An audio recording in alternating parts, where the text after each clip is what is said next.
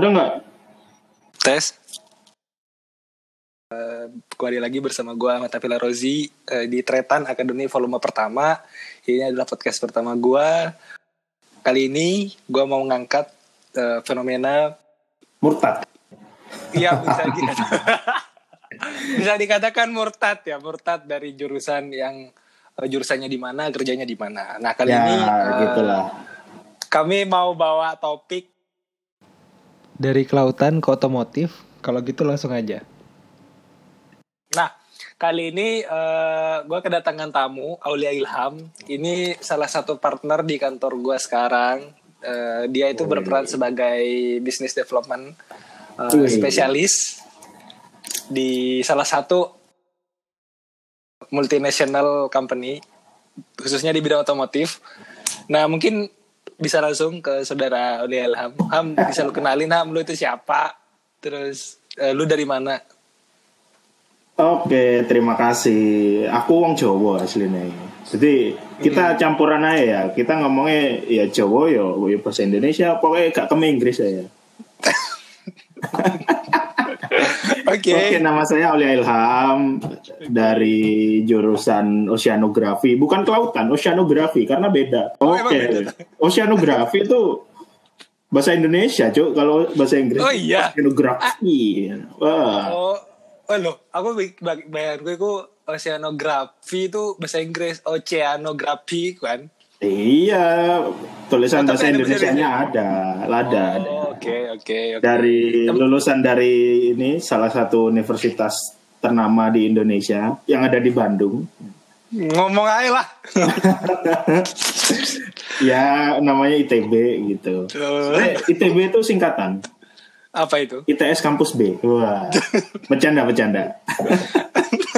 terus, terus, terus pengalaman kerja sebelumnya sebelum di sini sempat nganggur sih pasti.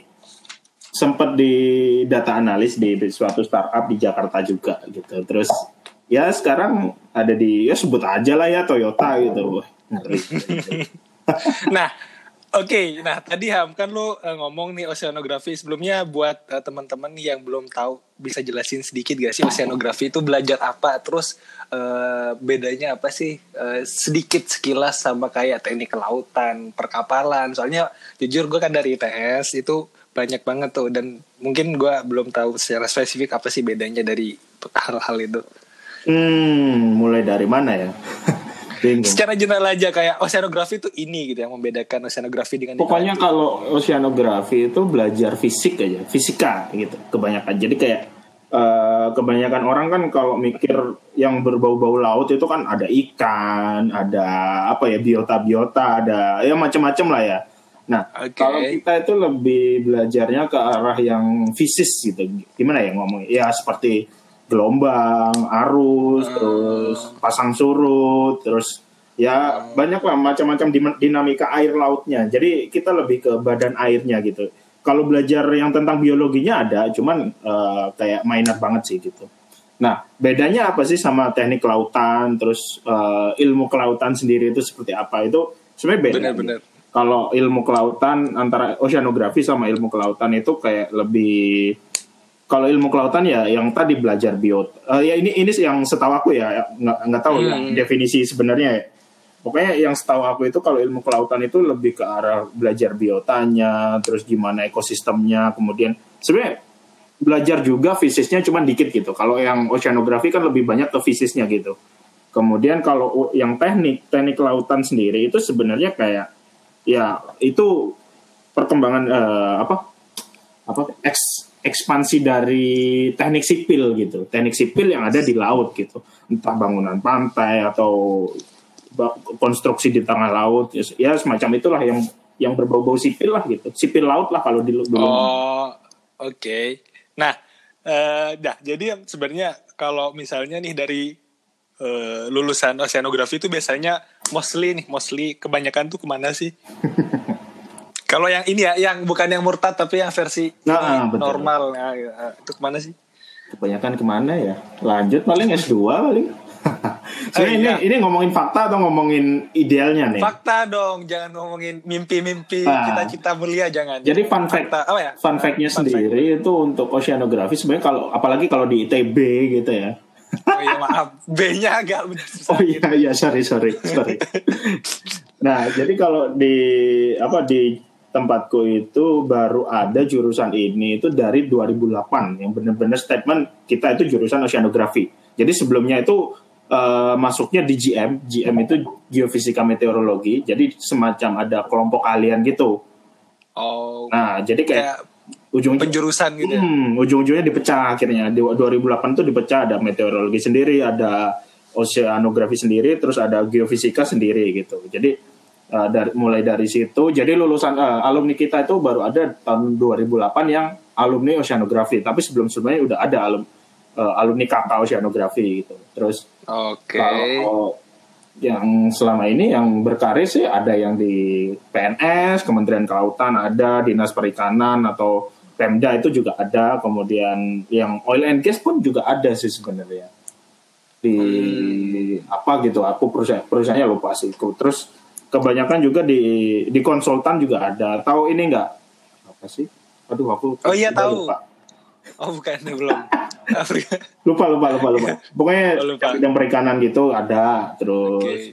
di bank juga ada banyak Wow, itu teknologi. Oke, terus, terus. terus di apalagi sekarang kan berbau IT kan ya di developer Benar, developer itu banyak sih kayak web web developer jadi sebenarnya basicnya kita itu oceanografi itu karena kan main-main data fisis nih Uh, Ah. data setnya kan banyak nah itu nggak mungkin dong kita main plotting biasa gitu pakai Excel atau pakai yang manual Oh, itu iya. jadi kita belajar coding gitu. Jadi di waktu kuliah dulu itu di ini dibekali apa namanya ilmu coding. Jadi waktu awal banget itu belajar C++ gitu. Kemudian masuk jurusan itu ada Fortran ada MATLAB terus uh, sayangnya belum belum kenal Python sih dulu gitu.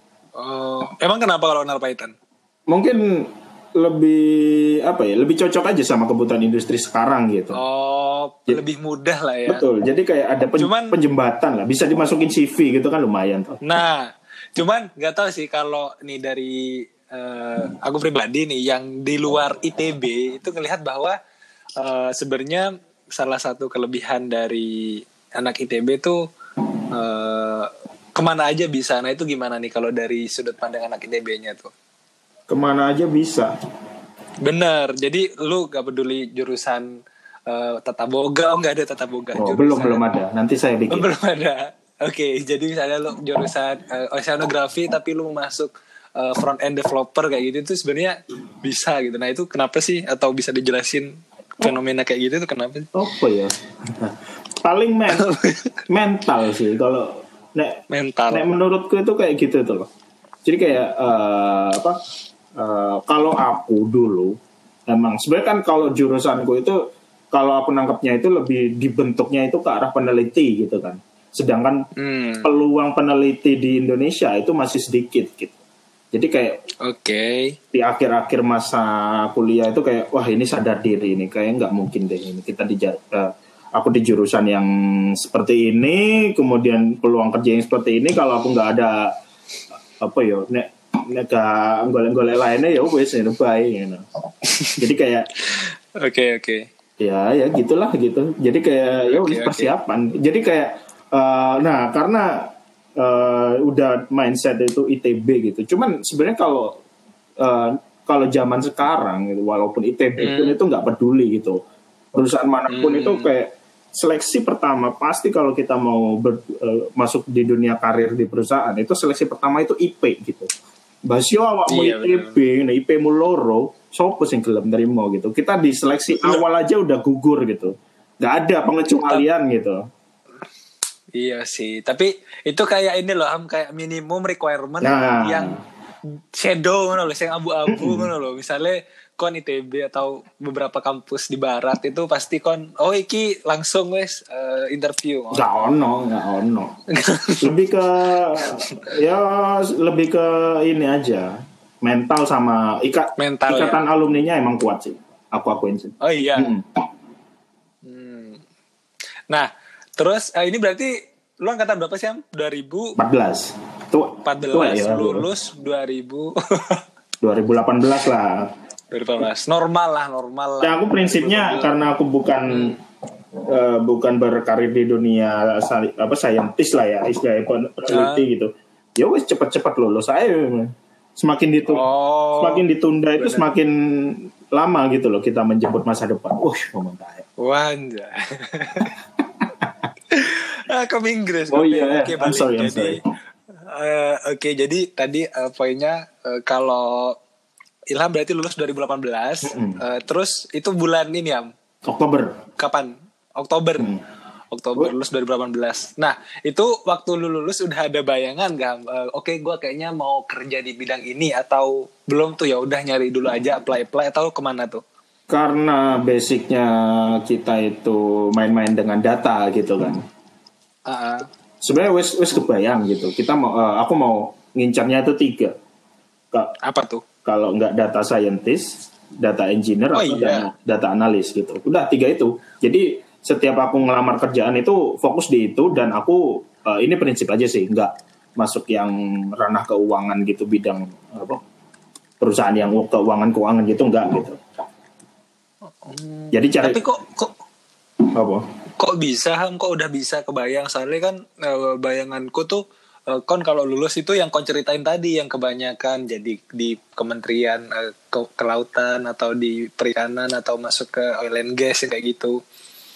Hmm. hal apa yang udah bikin kon ngebayangin bahwa eh, oke eh, aku mau masuk di tiga hal ini. Nah itu kan pasti ada ini nih ada pasti ada distraksi dari luar entah itu dari kondisi di mana eh, oh ini lu pernah ada data ini nggak? Jadi kalau dulu aku pernah baca di ITS bahwa eh, jurusan eh, yang rumpunnya kemaritiman itu Hmm. kalau nggak salah sekitar 7 dari 10 itu eh, tidak sesuai dengan Oh ada ada ada. Bid- Namanya Nah, tracer itu- study. Oh ya tracer tadi ya. Nah itu dulu kalau di kampusku di TS itu eh, itu sekitar 7 per 10 apa 6 per 10 itu tidak sesuai dengan eh, jurusannya. Hmm. Jadi dia itu kayak jurusannya A tapi kerjanya di bidang yang lain lah. Tapi dan it's okay gitu. Nah itu lu gimana itu? Atau karena hal itu sehingga lu memutuskan oke gue kayaknya harus melebarkan sayap ke data scientist, engineer atau analis atau gimana? Sebenarnya bukan eh, ketika lulus itu bukan aku langsung belok gitu kan. Kayak tetap usaha gitu. Kita ada PNS, CPNS itu di, kita ikutin, BUMN buka kita daftarin, terus semua peluang-peluang itu kita ikutin lah gitu. Cuman eh, ya apa ya istilahnya sadar diri gitu loh. Jadi kayak eh ya wes semakin eh, cuman memperbesar peluang aja. Jadi kayak ya udahlah aku mau melebarin sayap ke arah data scientist, data analis, data engineer gitu. Perusahaan-perusahaan yang misal sekarang kan lagi booming startup you know. Yes, Bener. yes, cobalah daftarin you know. Jadi kayak terus ada proyek-proyek kita ikut you know. Nah, dan kemarin eh, waktu lulus kemarin eh, ini eh, kebetulan ada proyek aku daftar dari PGN Hmm. Kayak semacam survei Oke. terus aku daftar keterima gitu ya wes akhirnya ya udahlah daripada kosong aku ikut gitu lumayan sih Hmm. Proyekan itu eh, relate ke apa tuh? Eh, field research atau ngapain? Eh, surveyor Surveyor. Nah, ini nah ini ya sebenarnya tuh nanti nih misalnya ada teman-teman dari yang eh, jurusan berbeda dengan bidang yang mereka eh, inginkan itu bisa dikasih ini nggak salah satu tips? Kayak kenapa sih seorang Ilham nih jadi tertarik ke data scientist, engineer, analis gitu apa kon nonton YouTube atau kon ada kakak tingkat yang eh, pernah jadi mentor kon terus ny- nyaranin bahwa udah Ham jangan di eh, Nah. jangan terlalu terfokus di bidang kemaritiman atau kalau gimana? ini menarik sih. Jadi sebenarnya kayak ya lihat tren aja kan. Kita kan kayak ngikut aja gitu ngikut ngikut arus gitu. Oh ini trennya lagi main-main data nih gitu oke lah ikut.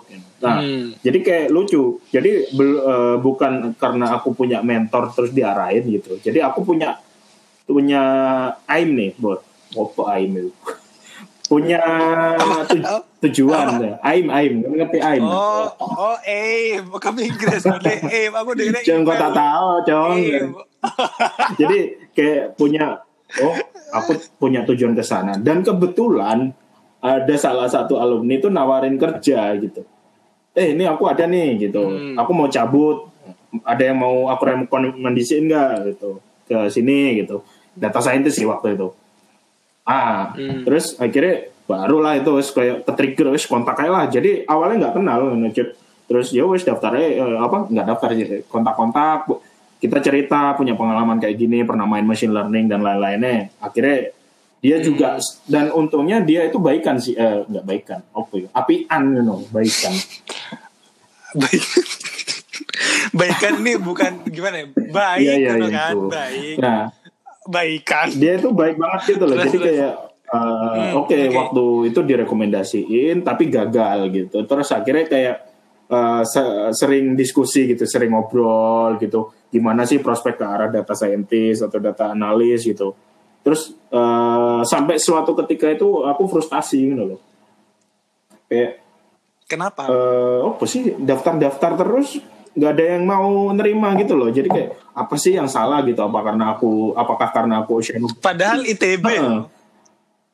dan emang ya sadar diri juga karena ya kita jurusan apa sih gitu? Orang aja nggak kenal. Dulu kan waktu awal kuliah wow ini jurusan jarang nih di Indonesia gitu peluangnya gede. Mana ada yang ada kerjaan jarang juga.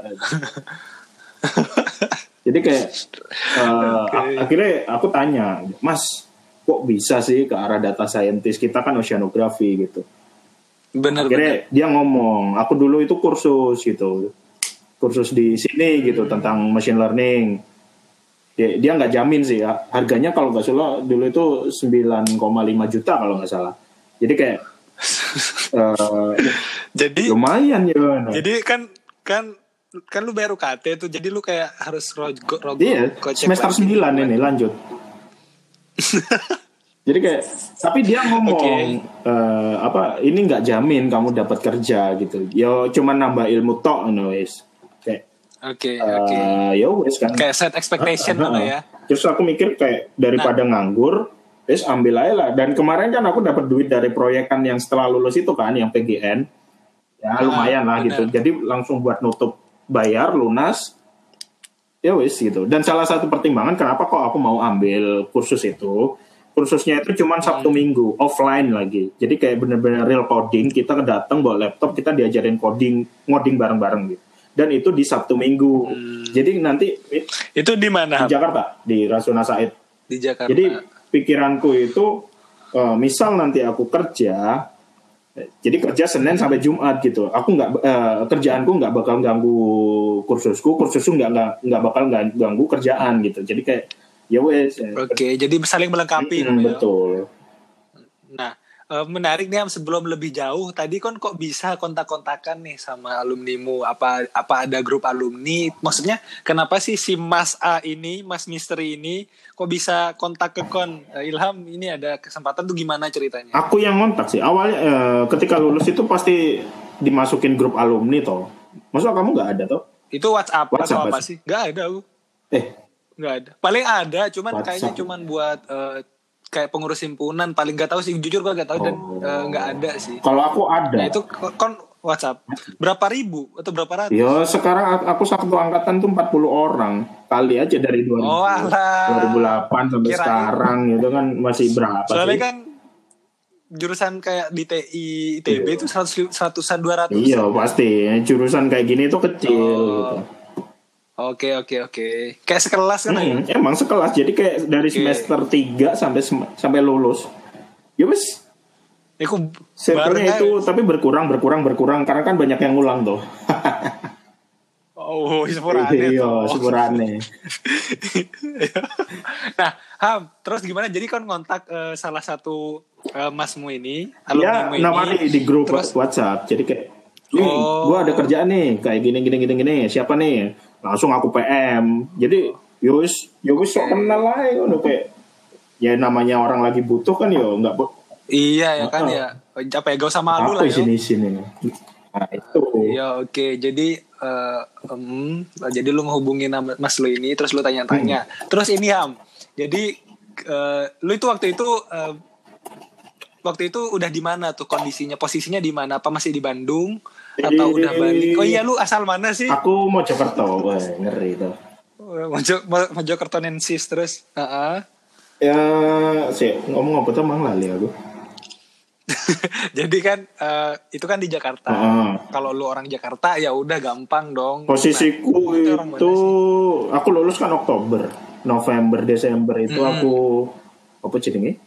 Proyekan dua bulan Iya. sambil di sela-sela proyekan itu pokoknya Desember mau mepet-mepet akhir eh enggak ding Desember awal itu ya itu udah mulai mulai nyari-nyari lagi lah persiapan lah. Karena kan proyekan kan ya wes proyek selesai nggak nggak nggak bakal diperpanjang toh. Nah Hmm. ya wes nah, di fase itu itu baru tuh alumni alumni kebetulan ada yang nawarin terus ya wes mulai kontak-kontak. Jadi posisi masih di Jawa Timur.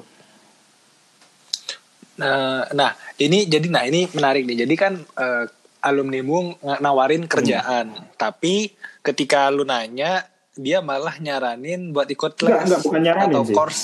kayak Tapi gimana? aku yang tanya sebenarnya kayak Oh, tanya loh kok bisa sih karena kan eh, akhirnya kan kita usaha nih kayak kan banyak tuh job street terus LinkedIn Iya. belum terlalu aktif dulu kayak apa sih Eh, banyak lah naruh-naruh di mana gitu kan naruh-naruh CV Oke, gitu. oke. kok nggak kepanggil sih gitu? Atau jangan-jangan nggak terkirim atau gimana sih gitu? Caranya yang bener tuh gimana gitu? Akhirnya kan ya Hmm, kemarin kan udah sempet kontak alumni yang itu tadi mau aja Mas Boles lah gitu. Oke. nah Iya, Mas Mas Boles. Boles terus kemudian ya wes aku akhirnya eh, curhat lah. Mas ini aku daftar daftar kok nggak keterima sih gitu? Kok nggak bukan nggak keterima nggak dipanggil lah gitu. Nggak dipanggil, Setidaknya kalau ya, kepanggil kan kayak kita punya motivasi lebih gitu. Hmm, dulu gimana sih gitu? Terus dia cerita kalau dia ikut kursus terus ya ya gitu. Akhirnya punya channel dan ada tawaran gitu. Oke. Nah, eh tadi kan lu berarti nah ketika kapan dan hal apa sih yang bisa bikin kon ini ini ya mutusin oke eh, aku bakal ambil les ini gitu. Soalnya kan itu angkanya nggak kecil tuh 9,5 juta dan bukan di kota yang sama. Itu antara Jawa Timur sama Jakarta. Hmm.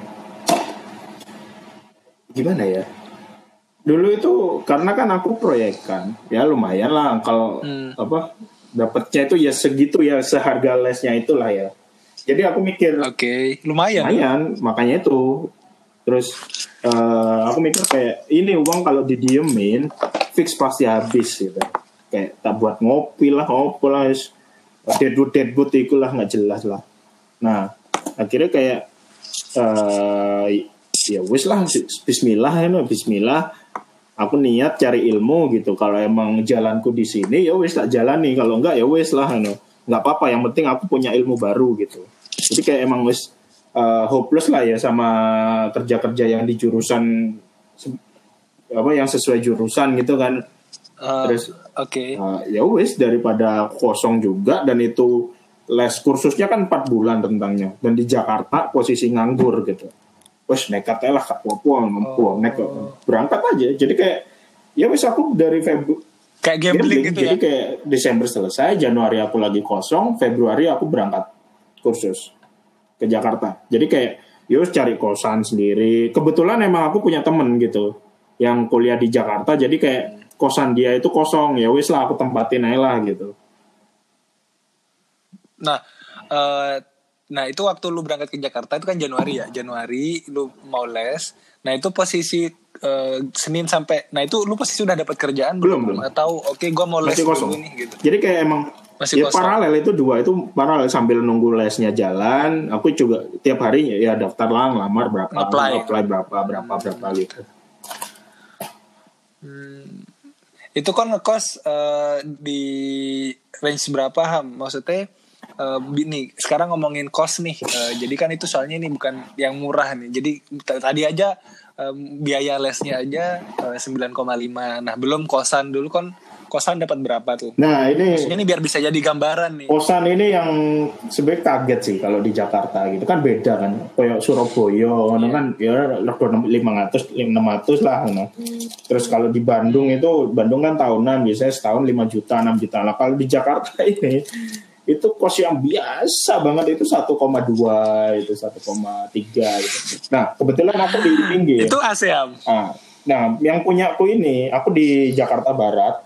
Cuman ya emang kalau Hmm. ke tempat kursusku dulu itu sekitar ya kalau macet sejam lah, kalau nggak macet setengah jam lah. lumayan lumayan jauh sih 10 kiloan ada kali nah kenapa ya itu tadi di temanku karena kan ya Oh, biar gabung, biar nebeng teman gitu ya. Karena kan masih Deadwood nih gitu. Ya wes transit aja dulu. Dan aku dapat kamar harga 1,3 itu AC AC kamar mandi dalam oh ah konsiam langsung AC oke terus terus ya sebenarnya karena kosongnya itu kan terus kayak Iya yeah, benar benar. Ya wes lah gitu kayak ya wes lah nggak apa-apa buat penyemangat diri itu. Wah apa itu ting ting ting ting itu kayak jual es tuh. maaf maaf maaf. Terus iya kayak bakso kayak. Nah terus uh, itu costnya sendiri 1,3 uh. itu living ham living cost living cost itu sebulan itu kan biasa bisa domestik lah ya ya 1,5 lah ya 1,5 lah ya nah, nah ini buat tips eh, ini tips nih buat yang ke Jakarta sebenarnya lucunya itu kalau kamu hmm. tinggal sendiri di kamar itu segitu gitu sedangkan kan kalau kamu misal cari yang bisa berdua atau yang hmm. lebih layak lah itu misal itu bisa kena 2, misal 2,5 gitu. Dibagi dua itu masih hmm. lebih untung daripada kita ngekos sendiri gitu. Jadi kayak kalau ke Jakarta mending cari temen deh. Oh, buat sementara hmm. gitu lah ya. Apalagi kan baru kayak mengadu nasib hmm, gitu ya. Betul. Ya. Nah, terus kon berarti Januari udah mulai ke Jakarta. Eh, mulai Februari, Februari aku ke Jakarta. Februari, Februari 2019. Nah. Itu kelasnya udah 2020, mulai satu minggu. Eh, Hah? Oh iya 2019 ya, lupa aku. Tak kepruk Raimu. terus, terus, terus, terus. Nah, terus uh, ini nih Ham, kon kan katanya sebelumnya pernah magang. Ah. Itu magang di mana? Terus mulai kapan? Terus gimana tuh? Magang itu dulu di Jakarta di Kementerian Kelautan hmm. karena kan emang alumni di sana kebanyakan ya wis.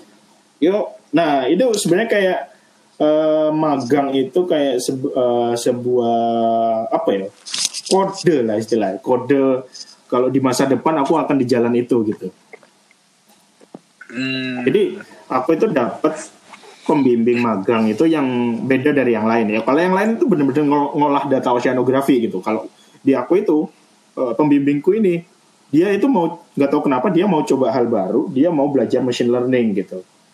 Dan aku, kayak oh. ya wis sama aku gitu. Jadi kayak ayo kita ngolah data satelit pakai machine learning pakai metode apa gitu. IC kalau nggak salah. Oke unsupervised learning lah gitu Wah, apa itu ham? Berani lah. Ngeri terus terus terus terus. Ya, ya wis bener-bener belajar dari nol. Oh, posisi machine learning, you know. machine learning pembelajaran mesin. Tapi, oh, posisi, you know. Tapi, nah itu pembimbingnya alumni mu bukan? Bukan. Telkom. Oh, tapi keren kan loh. Maksudnya dulu pengalamanku magang itu kayak nginput apa ya? Uh, nginput kayak jam kerja ngono kayak aduh.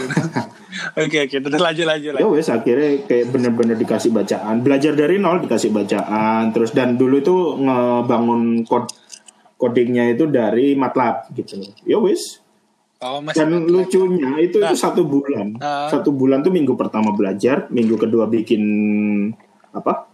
Bikin code code-nya.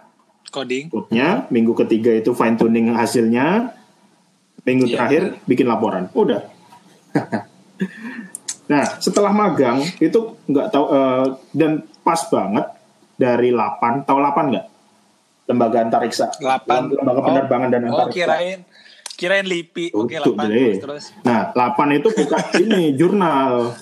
Jadi kayak siapa yang mau daftar nih silahkan masukin gitu. Wah, langsung yuk yuk oh. daftar yuk gitu. Yang yang pembi, pembi, pembimbing, ah, pembimbing tadi gitu. Boleh Pak, saya yang nulis Pak. Iya nggak apa-apa, kamu penulis pertama aja. Wah, ngeri Cuk. ngeri, ngeri ya. Bikin abstrak dulu gitu, saya kirim. Uh, terus lolos, ternyata tembus gitu ya wes habis itu lanjut bikin papernya lah gitu kan bikin paper background metodologi sampai hasilnya dan ternyata itu tembus tembusnya itu ternyata mereka itu ngeluarin dua jurnal satu jurnal nasional satu jurnal internasional gitu nah paper gue ini masuk jurnal internasional nomor 4 gitu dari dari 16 paper gitu. Loh, jadi jadi sebenarnya ngeluarin dua paper atau banyak tuh satu, Banyak, satu. Cuman ada dua kategori. Satu, uh, enggak, di jurnalnya 8 itu ada dua uh, kategori uh, dua kategori nah, kategori jurnal gitu. Nah, ternyata nasional sama uh, internasional. Punya itu dipublish dua, nasional sama internasional gitu. Oke. Oh iya, dua-duanya. Dua-duanya. Jadi kan aku bikin versi Indonesia, terus dari 8 nyediain Ah. terjemah gitu. Jadi kayak dibuatin paper vers- versi bahasa Inggrisnya gitu. Ya lumayan lah. Oh. Nah itu dari situ kayak oh itu loh machine learning tuh kayak gitu gitu. Akhirnya ya makin lama nyari-nyari lah informasinya kayak gimana. Terus mulai oh ternyata dunia-dunia data scientist seperti ini gitu loh. Ya wis. Jadi kalau Hmm. ketika lulus, nah ya wis karena jurusannya kayak ngono, kerjanya angel, lulusnya ya angel, nah, akhirnya ya setelah pindah haluan lah nggak apa-apa. Ya kita realistis oh, boleh, eh kita idealis boleh gitu. Idealis. Cuman kan realistis, perut kan Oke. butuh makan gitu. Pacar butuh ini ya, butuh budget ya. nah, Ham, terus tadi ini sebelum langsung ke bisnis development. Nah, spesialis. Nah, tadi eh, tadi kan waktu lu Februari lu mulai ke Jakarta Februari 2019, itu berarti Senin sampai Jumat lu kosong. Kosong, deadwood. Jadi bangun pagi, Nah, itu ngapain? bangun pagi daftar terus. Nah kebetulan kan si doi kan di Jakarta nih, jadi yo paling ngapel atau Doi siapa nih doi ini? doi siapa nih oh no lah wes ya. Oh, no, oke oke oke. Terus terus. Jadi ya wes kadang sore itu jemput kerja gitu ya, ya buat ngisi waktu luang aja. Terus eh, nggak ada ya ngapain ya? Ya wes gitu aja daftar. Pokoknya aku target sehari lima lima perusahaan lah aku apply. Oke. Gitu. Apply ngono ya. Hmm. Nah, itu ber- first professional experience, first job lah. First job itu kan kapan? April. Jadi aku Februari April. Maret, itu masih kosong. April akhir baru. Nah itu dapat dari Mas Boles tadi gitu. Jadi Mas Boles kan pindah, terus ada lowongan Iya. kosong. Nah kebetulan tuh Mas Boles itu eh, trainerku waktu kursus gitu. Itu Oh. kebetulan sih. eh, kebetulan itu di batch pertama dia ngajar gitu dan itu ada aku di situ gitu. Jadi kayak terus di tempat kerjanya saat itu ada lowongan terus Sebagai data analis ya. Nah, dia ngomong, wes wes nggak apa-apa masuk dulu aja nanti kalau misal mau switch ke data scientist itu bisa gitu. Ya wes masuk ke data Oke, analis. oke. eh, apa namanya? Ya wes ketemu HR, ketemu usernya, usernya oke, akhirnya aku diterima lah di situ. Di situ pegang database. Nggak nggak pegang database sih. Database. Narik-narik data dari database diolah jadi report. Cuman emang dulu masih istilahnya apa ya? Masih goblok banget lah bikin report nggak bisa. oh nggak kayak sekarang lah ya, Wah. yang sang- sangat komprehensif. Sekarang kan nah, ya lanjut lanjut. nah jadi eh, oke. Nah, itu berarti kon itu kelar les kapan, Am? Dari mulai dari Februari Jadi sebenarnya sampai- kalau dihitung itu 32 pertemuan Sabtu Minggu. Cuman karena waktu Sabtu itu Minggu. banyak liburnya, kepotong lebaran juga jadi sampai Juli gitu. Harusnya kan Februari, Maret, April, Juli. Mei, Mei kan selesai Februari, gitu kan. Nah, itu karena banyak liburnya akhirnya Iya. mundur sampai Juli, Juli ya. 6 bulan ya. Fabio. 5 bulan mungkin ya harusnya ya. Pokoknya hitungannya 32 pertemuan aja Sabtu Minggu. Sabtu Minggu, oke. Berarti sekitar 16 minggu lah ya, Hmm. 16 minggu. Nah, terus, nah ini ya, terus eh, berarti eh, waktu mulai April lu, lu udah mulai penuh nih kan, karena Senin sampai Jumat lu udah mulai kerja, Sabtu Minggu lu harus les Ya, gitu ya kan. Terus bulan puasa lagi. Nah, wah mantap. Nah terus eh, kapan lu mulai dipanggil sama perusahaan yang sekarang? Atau lu ada pengalaman lagi nih? Nah, setelah itu ya wes kan karena yo seneng lah dapat kerjaan pertama walaupun eh, gajinya ya cukup lah buat tinggal di Jakarta gitu. Terus eh, baru kenal tuh dunia LinkedIn gitu. Oh, ternyata so- ada sosmed baru nih gitu kayak. Ya wes, sering-sering update di sana kayak apa? Ya namanya pertama kali keterima kerja kan update ini gitu. Terus eh, ya suka nge-like-nge-likein atau bikin koneksi banyak lah gitu di LinkedIn. Terus Bener, ada bener. suatu hari itu bulan oh Juni Juni akhir kalau nggak salah Juni 2019. jadi aku itu kontrak itu tiga bulan di situ jadi kan April ah, di mana di sih? Pomona namanya buka aja aplika- aplikasi Pomona, Pomona. Oke, Pomona. Nah, Oke. jadi di situ itu probation tiga bulan jadi April eh, Mei eh, Mei Juni Juli gitu. Kontrakku habis Juli gitu. Hmm. nah Hmm. kemudian terus di bulan Juni itu ada telepon nih tahu-tahu gitu. Dia dia ngomong nih mas kenalin ini saya namanya siapa gitu pak. Dari dari JAC ngomongnya. Ini ada kerjaan gitu JAC, kerjaan di oke. Toyota gitu bagian ini ini ini ini saya dapat kontak masnya dari LinkedIn gitu. Loh kok bisa tahu gitu? Oh ternyata emang aku pasang iki kan pasang CV kan Oh, apa ya? Open connect apa open for new oppor- opportunity kan ya? kayak nang di profilnya kan bisa tuh kita pasang CV atau dokumen atau apa kan biar orang bisa lihat. Nah Oke, itu dia kontak di situ. Apakah benar masnya di apa data analis di sini gitu? Oh iya gitu. Sebenarnya awalnya kan karena kan ki- karena kan kita orang baru nih kan nggak ngerti kan kayak tahu-tahu ada orang asing ngubungin kita gitu kan.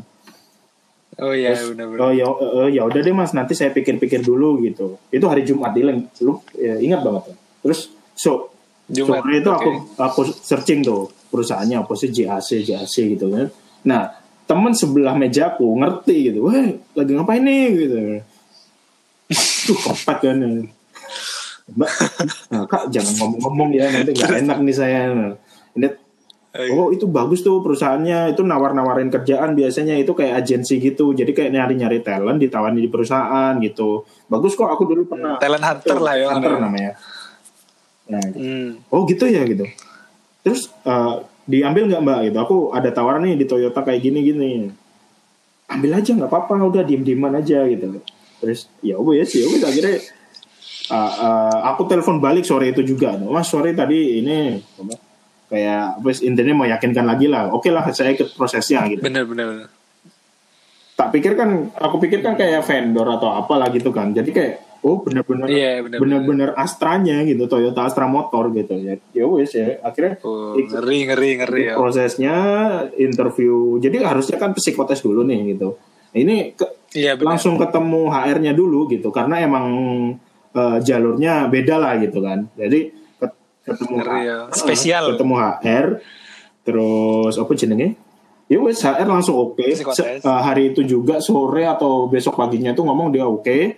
Terus ketemu langsung diarahin ke ini psikotes gitu. Psikotes itu jadi kayak hari apa itu?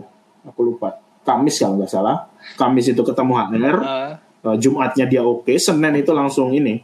Senin itu langsung psik- psikolog eh, psikotes, oke, sorenya langsung diumumin. Uh, Selasanya langsung psikolog dan langsung diumumin juga. Uh, sebenarnya kayak lagi eh, dari perusahaannya yang minta deh, kayak nama ini tolong dong hasilnya kayak gimana gitu. Iku iku feeling gue sih. gitu. Terus akhirnya Senin kan, Senin Selasa, terus Kamis itu ketemu ketemu user, hari Jumatnya MCU. Udah. cepet yo. Jadi cuma seminggu Iya, kan ya. semuanya prosesnya ya dua mingguan lah. Habis itu awal eh, pertengahan Juli baru masuk ke baru eh, join ke Toyota. Gitu. Toyota sebagai Eh, ya ODP lah kalau ngomongnya kan kita kan bu- belum punya titel kan ya. right, semacam Ah, probation. dulu kan gitu ya. kalau ah, ekspektasiku itu dulu itu kayak waktu interview waktu ini oh ini diarahin ke data scientist nih gitu. Nah, sama tuh sama sama Terus- sama terus terus. Oh, ternyata kalau nah ini bedanya kalau kita masuk ke startup sama masuk ke apa nih kor korporat lah ya, korporasi gitu. Iya. Nanti lah kita bahas Ah, lah apa benar. bedanya lah. Nah. Oke, nah mungkin ntar Hmm. aja nih. Nah, s- oke itu jadi kan, eh, oke lu udah ceritain tuh perjalanan sampai lu jadi keterima sebagai, eh, nah sebelumnya kan ODP, ODP ini kan nama programnya. Kalau boleh tahu nih, eh, lu itu udah bisa dikatakan sebagai apa tuh? Soalnya kan apa bisdev atau bis analis atau eh, project management? Awalnya kan emang Bisdev lah yo. awalnya kan emang ekspektasinya kan data scientist gitu. Nah, Benar, ekspektasi awalnya benar. masuk dan keterima di departemennya namanya Digital and Mobility, terus divisinya itu apa? CSMB ya dulu. Basic lah pokoknya. Nah, ternyata di situ orang-orangnya handle project semua gitu, nggak ada daily job gitu. Oh, kayak gini gitu ternyata. Oh, ternyata awalnya kan ekspektasi kalau kita kerja itu kan apa pun yang apa ya, apa kayak KPI-nya apa itu kita yang ngerjain kan. Ternyata kalau di tempat di tempat yang ini itu di tempat kita lah gitu. Oh ternyata divendorin gitu. Kayak oh project kayak ini gitu kita bikin suatu tender nanti siapa yang bisa join gitu kan itu kan udah Lebih ke project ah, management akhirnya, ya. oh, oh arahnya ke PMO berarti pro- eh, iya Bener. project management officer jadinya jadi kayak uh, Iya, benar. sebenarnya cuman nggak emang bukan cuman kayak kontak-kontak vendor gimana kerjaannya nggak nggak segampang itu gitu jadi kayak di awal itu Nah, menarik. Nah, bisa diceritain nggak kayak daily activity dari jam 8 sampai jam 4 eh, Ilham tuh biasanya ngapain sih sebagai seorang eh, PMO lah atau bisdev lah? Itu ngapain? kayak yang ngerti ini novel deh novel ntar kalau dengerin bisa cerita lah ya sama dia Iya. iri gitu sebenarnya karena karena kan handle project itu kan kayak kalau kita lihat grafiknya itu nggak stagnan gitu loh kayak kayak wis kosong ya kosong banget you know kalau lagi sibuk Hmm. kayak 24 jam itu kurang gitu kan jadi kayak Wih, ngeri ngeri ya. ya Karyawan teladan anjan. Tapi kalau nyeritain tuh jangan daily job jam 8 sampai jam sore ya. Ya kayak dari project keseluruhan itu stepnya apa sih gitu. Jadi kayak dari situ kita ketahuan oh ini oh ini di jam eh, di momen-momen ini nih yang paling hektik nih gitu. Boleh. Nah, Ham, kira-kira nih buat teman-teman yang pengen eh, masuk. Jadi, oke berarti sekarang eh, ada yang perlu dilurusin nih, bukan ke bisdev tapi kasarnya PMO lah ya, project management officer tapi Cuma relate di ketika Ah. waktu seleksi ketemu HR sama user itu benar-benar skill kita itu ditanyain gitu. Kita backgroundnya seperti apa. Apalagi setelah Oh. Astra itu kan kayak nggak pilih nggak mau apa ya buat anak kok coba-coba gitu. Itu kayak oh, benar-benar yang pengennya kan yang berkualitas. Jadi kayak oke kita ngurusin manajemen tapi orang yang ngerti teknik, orang yang ngerti teknik, orang Oke. yang ngerti coding gitu kan. oke oke. Itu. Oke. Jadi kayak Hmm. ya udah emang benar-benar oke kayak nanti misal kita masuk di perusahaan itu benar jadi project manager eh, project manager PM lah ya. Eh, Iya, cuma PM. emang kita mau nggak mau kita harus punya bekal eh, teknik teknisnya gitu kayak oh nanti ngurusin coding ya kita harus tahu codingnya kayak gimana gitu. Kita ngurusin integrasi integrasinya kayak gimana itu harus tahu gitu harus paham. Hmm.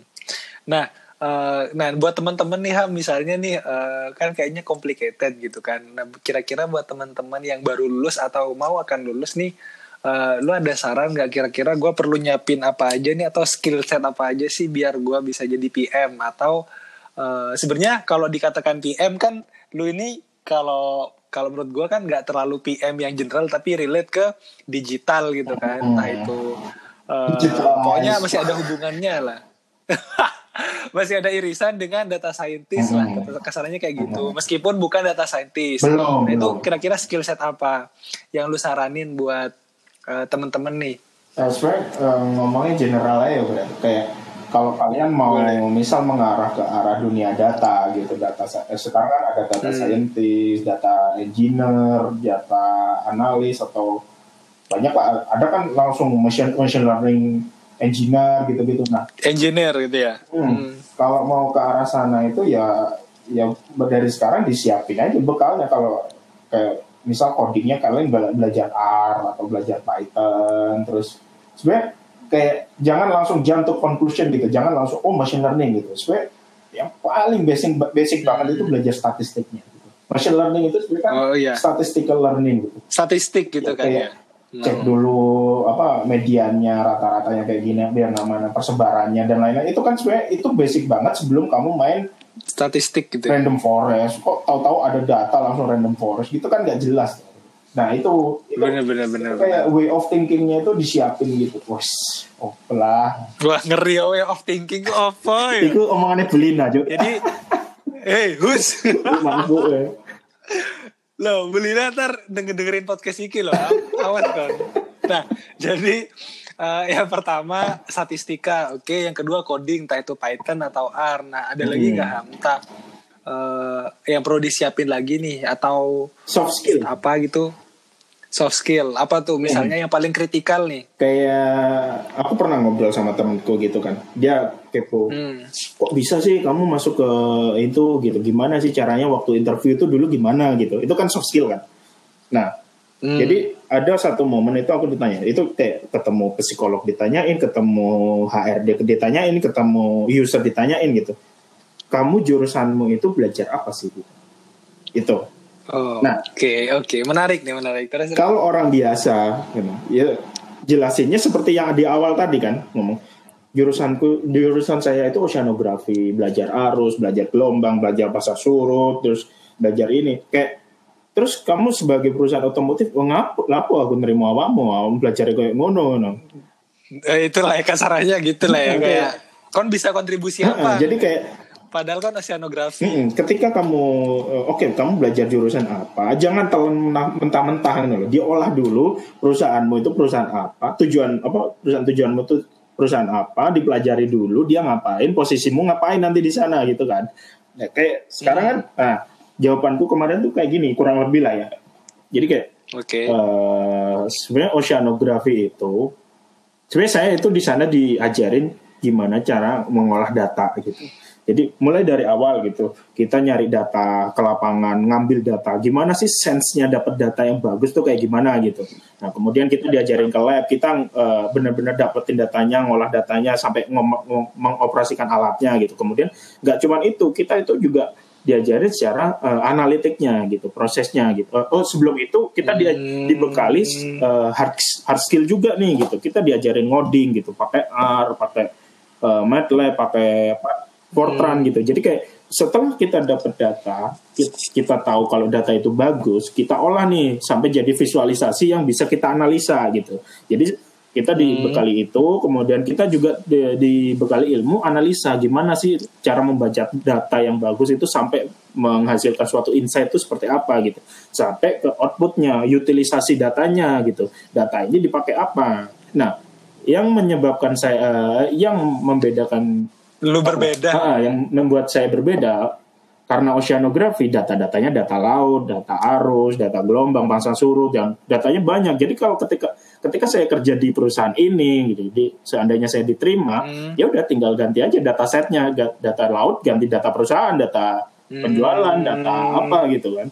Ya wis, nah beda nggak? Nah, Kayak menarik sih Apa kalau menurutku gitu? kalau yang aku tangkap nih eh, kalau aku yang tangkap nih jadi kalau eh, saudara Aulia Ilham ini dia itu kalau yang gue tangkap ya lu itu lebih pendekatannya ke proses based ya jadi lu lebih Hmm. jelasin ke flow-nya itu ini Iya. loh di jurus eh, gimana gue belajar tuh mulai dari dapat data sampai outputnya Hmm. apa Nah, Nanti way of thinking gimana Astra caranya- itu biasanya gini. Uh, input, proses, output. Gimana? In, pokoknya input, proses, output sama uh, utilisasinya apa gitu. Terus itu ya. Jadi kayak Oke. ketika Nah, itu kita tips interview, ya, ketika kita interview itu jangan ngalor ngidul gitu. Kayak uh, ngobrolnya itu bener-bener terarah gitu loh, Cok. Oke, Eh, astagfirullah. Oke, oke gak apa-apa, udah bukan. Nah, berarti eh ya, nah itu tips. Jadi, iya bener sih. Nah itu sebagai Bener-bener eh, apa dari ya? gue juga. Loh, iya bener loh. Jadi emang, nah itu juga gue insight baru nih jujur gue buat gue pribadi gini loh yang yang aku suka itu lebih ke kayak gimana kok ngejelasin mulai dari dapat data sampai eh, bisa utilisasinya apa tapi itu memang eh, terbatas. Jadi kan jelasin juga eh, keterbatasannya apa. Keterbatasannya emang itu relate ke eh, kelautan atau oceanografi lah. Maksudnya tentang laut lah. Nah itu gimana cara bikin bridgingnya itu juga itu bisa jadi poin buat teman-teman bahwa asal prosesnya sama materialnya bisa diubah-ubah pun nggak apa-apa ngono kan ya kan? Jadi mulai dari ya kon itu am kon ngambil data di lapangan sampai nanti kon masuk ke lab kayak gitu sampai kon jadi datanya bisa dipakai gitu loh jadi secara general prosesnya sama tapi datanya mau diubah pun kon it's okay ngono kan ham ham Halo, halo, halo, halo. Putus, putus suaranya. Oke oke. Jadi oke internetku putus ya. Jadi eh, kalau Aku menarik ya. Emang kon menarik? eh, yang menarik nih. Maksudku yang hal yang bisa insight tambahan nih. Jadi eh, ketika poinnya adalah in- selain input proses output itu yang pertama. Yang kedua gimana kita Hmm. bisa bangun koneksi ya. Bu- Maksudnya koneksi itu as simple as nih. Gue kasih contoh dari tadi Il- Ilham cerita. Jadi Ilham tadi cerita proses mulai dari ngambil data sampai hmm. uh, dimanfaatkan buat apa. Nah, itu nanti bagi teman-teman itu kalau pendekatannya bisa pakai proses based, itu teman-teman tinggal uh, bisa bilang sebenarnya ini prosesnya ini udah general, cuman datanya hmm. aja yang terbatas ke kelautan. Jadi uh, kalau misalnya ada data baru di perusahaan ibu atau bapak perlu kita perlu saya olah, itu bisa di saya olah asal uh, karena memang ya, prosesnya sama betul. secara general ngono ya. Nah mantap mantap menarik nih. Nah jadi oh ya itu juga uh, validasi tambahan dari uh, aku pribadi bahwa emang Astra itu pendekatannya eh itu Astra apa Toyota doang? Menurutku Astra sih karena aku juga pernah ikut ikut seleksinya Astra internasional ya mirip-mirip lah way of thinkingnya. Oh mirip-mirip lah. Oke jadi nah itu juga nih buat teman-teman yang tertarik buat menyusul masih ilhamnya itu uh, bisa juga tuh nanti dijelasin proses uh, pokoknya setiap jawaban kalau bisa uh, dihubungkan ke tiga elemen tahap itu hmm. empat lah kalau ada hmm. utilisasinya atau pemanfaatannya. Nah terus terakhir nih Am uh, kalau menurut lu nih uh, kecewa nggak lu Am? Jadi kan lu tadi pernah cerita nih uh, sebagai dulu uh, lu berekspektasi bahwa uh, eh, gue pikir di Toyota bakal jadi data scientist tapi ternyata lebih ke project management, project manager yang relate ke digital. Ya mungkin ada irisan, cuman nggak hmm, yang data scientist. Kecewa sih nggak sih, karena kayak, eh, kayak yang aku pelajari saat ini hmm. itu emang bagian dari data scientist juga gitu. Kayak seperti yang aku jelasin tadi, yang input, hmm. proses, output gitu kan kayak itu kan emang basic kita sebagai project manager lah gitu, PM lah gitu. Jadi kayak uh, ya emang seperti okay. itu jadi kayak sekarang itu kita sedang menjalani manajemen wise gitu. Apa ya? Apa ya? Kita okay, lagi wise. uh, top manajemen uh, ya. gimana sih uh, atasan-atasan kita itu melihat suatu project atau suatu pekerjaan itu seperti apa gitu. Baru ketika uh, baru nanti ke depannya misal kita nanti dibentuk sebagai data scientist kita tahu oh kayak jadi, ha, jadi, ha, ha, jadi kayak helikopter view uh, secara ya. frame itu kita udah sama gitu, paling enggak gitu. Tapi kalau, okay. oh ya lanjut ya. Oh jadi kalau kecewa di kerjaan, kalau ya. kecewa di jurusan ya enggak juga sih. Aku senang-senang aja sih. Ya, sebenarnya ada tips sih buat yang okay. ini bukan buat yang baru uh, akan lulus tapi yang baru akan kuliah gitu. Kalau dengerin ini juga kan jadi kayak mm-hmm. uh, okay. sebenarnya itu mm. uh, tujuan kalian itu apa dulu gitu. Kalian mau kerja kah atau mau jadi dosen kah atau mau emang cari ilmu atau cuman ikut-ikutan doang gitu. Jadi kebanyakan dari kita itu kayak ya wes frustasi cari kuliah akhirnya kuliah asal-asalan gitu yang penting dapat kuliah gitu hingga akhirnya ujungnya ketika udah lulus loh mana kerjaan yang dijanjikan tuh yang kayak gimana sih gitu mana buktinya apa gitu kan nggak nggak tahu jadi kayak hmm. kamu mau kerja apa baru kuliah jurusan apa aja yang dibutuhkan gitu. Jangan kamu kuliah apa, kerjaan apa yang sesuai hmm. dengan kuliahmu itu kan kebalik tuh. Iya benar benar benar benar. Berarti kayak ini ya, berarti kayak hmm. start from the end, start hmm. ya, kayak mulai dari akhir. Goalnya apa? Tapi tapi iya lu bisa ngomong karena mungkin kalau menurut gua nih ya, lu kan emang di ITB di mana exposure-nya itu gede. Ya itu tadi aku ngomongnya kan mental. Nah, Oh iya oke. Okay. Nah itu buat teman-teman emang harus. Nah itu sih. Jadi jujur tapi gini loh. Emang ya ada pasti ada yang udah. Gue pengen masuk dokter karena gue pengen jadi dokter. Tapi eh, banyak loh yang masih. Hmm, apalagi baru SMA lulus gitu loh. Itu masih kayak hal yang tabu ngono. Iya. Uh, aku masuk mesin karena misalnya suka uh, otak atik uh, mesin. Tapi kan yeah. belum tahu ntar uh, mau ya, jadi mana iya. gitu sih. Iya. Ya tapi benar sih tapi gue setuju uh, gimana caranya kita mulai dari akhir. Uh, gimana caranya nanti lu mau kerja jadi mulai dari mana nih kerja dari apa? Jadi uh, kalau saran dari tambahan nih tambahan dari Ilham selain mulai dari akhir uh, bisa cari uh, mentor yang udah uh, bukan mentor sih lebih ke kenalan atau koneksi kayak Ilham tadi yang udah kerja atau ke, udah berkecimpung di uh, kerjaan tersebut nah, jadi bisa sambil tanya cocok nggak nih? Gitu. Nah Oke, okay. ah, udah sekian. Tapi uh, terakhir ada pesan-pesan kan buat teman-teman nih yang uh, lagi dilema atau lagi proses uh, menjemput rezeki atau lagi nyari ini lagi struggling, apalagi lagi masa-masa okay. uh, pandemi Hmm. ini kan Kalau aku sih yang penting istiqomah lah gitu kayak gini loh sebenarnya aku dulu itu kayak kalau dipikir-pikir nekat juga ya. Kita lagi nganggur gitu buang-buang duit 9,5 juta berangkat ke Jakarta masih bayar kosan bayar makan gitu.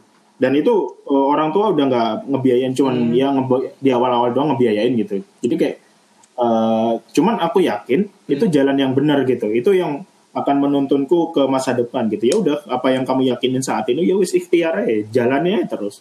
Kayak sama kayak Hmm. eh, berdoa itu sama kayak mengayuh sepeda gitu diulang-ulang itu akan sampai di tujuan suatu saat nanti ngeri yo lapi pe kancaku lu Oke. Oh, oke, oke. Tapi iya sih kalau secara tadi tambahan, kalau yang yang lu omongin terakhir, emang gua eh, kalau yang gue lihat emang Hmm. mental itu sangat berpengaruh ya. Jadi kadang kadang kan kita belum mulai, ayo was, walah wes, aduh wes angel nih Ya. gak bakal bisa gitu. Kan Atau gini. gitu. Tapi sebenarnya aku eh, kon dulu lawan itu ketika lulus ya pasti pasti iri kan lihat temen udah Hmm. kerja gitu kan udah sesuai jurusan atau gimana karena Hmm. ada yang karena orang dalam dan lain-lainnya pasti iri kan jadi kayak ketika aku lulus aku ngilang gitu dari circleku dari jurusanku gitu jadi kayak yo itu sebenarnya untuk Oke. menjaga mentalku aja sih jadi, jadi biar aku aku fokus ke tujuanku Oh. gitu. Jadi kayak karena kan ya sama kayak orang nyari kuliah ketika lihat temen yang lain udah dapat kuliah kita kan pasti goyah tuh iman pasti goyah ya wis lah sih penting aku kuliah sih gitu kan. Nah itu sama kayak kerja gitu. Ketika eh, lihat temen eh, udah kerja dan kita masih di situ-situ aja kayak pasti mental kan goyah. Gimana caranya kita bisa kerja juga gitu? Padahal itu bukan tujuan kita gitu. Jadi salah satu caranya ya ya udah kita ngilang kita nggak tahu kabar orang eh, di sekitar kita dan mereka nggak tahu kabar kita apa yang kita lakukan ya wis yang penting kita punya tujuan kita mau ke sana gitu nah ketika udah sampai gitu orang pasti datang semua gitu Hmm. Nah, menarik dia sebelum gua tutup. Jadi eh, gimana sih cara lu menarik? Soalnya jujur ini penting nih. Bahkan di kerjaan ini bakal kepake. Misalnya nih, eh, lu udah kerja di sebuah perusahaan A, tapi lu belum puas nih karena temen lu B dan C itu kerja di sini dan lu bakal tertarik buat apa gua pindah aja padahal belum tentu si B dan si C as happy as you gitu lu bisa bahagia lu. Nah, itu gimana maksud lu gimana sih yang lu maksud menarik diri dari circle itu kayak? Menarik diri itu kayak ya atau lu uh, deactivate uh, Instagram atau ya cukup. dengan, WhatsApp jangan atau dengan tidak merespon aja. Atau- kayak misal di grup gitu kan lagi apa. Ya eh, silent reader aja gitu. Kita- Oh. kemudian kalau di Instagram itu ya nggak perlu diumbar-umbar lah kita lagi ngapain gitu nggak perlu diposting kita di mana dan yang lain nggak usah. Aku jadi lebih eh, jarang aktif di sosial media sih gitu.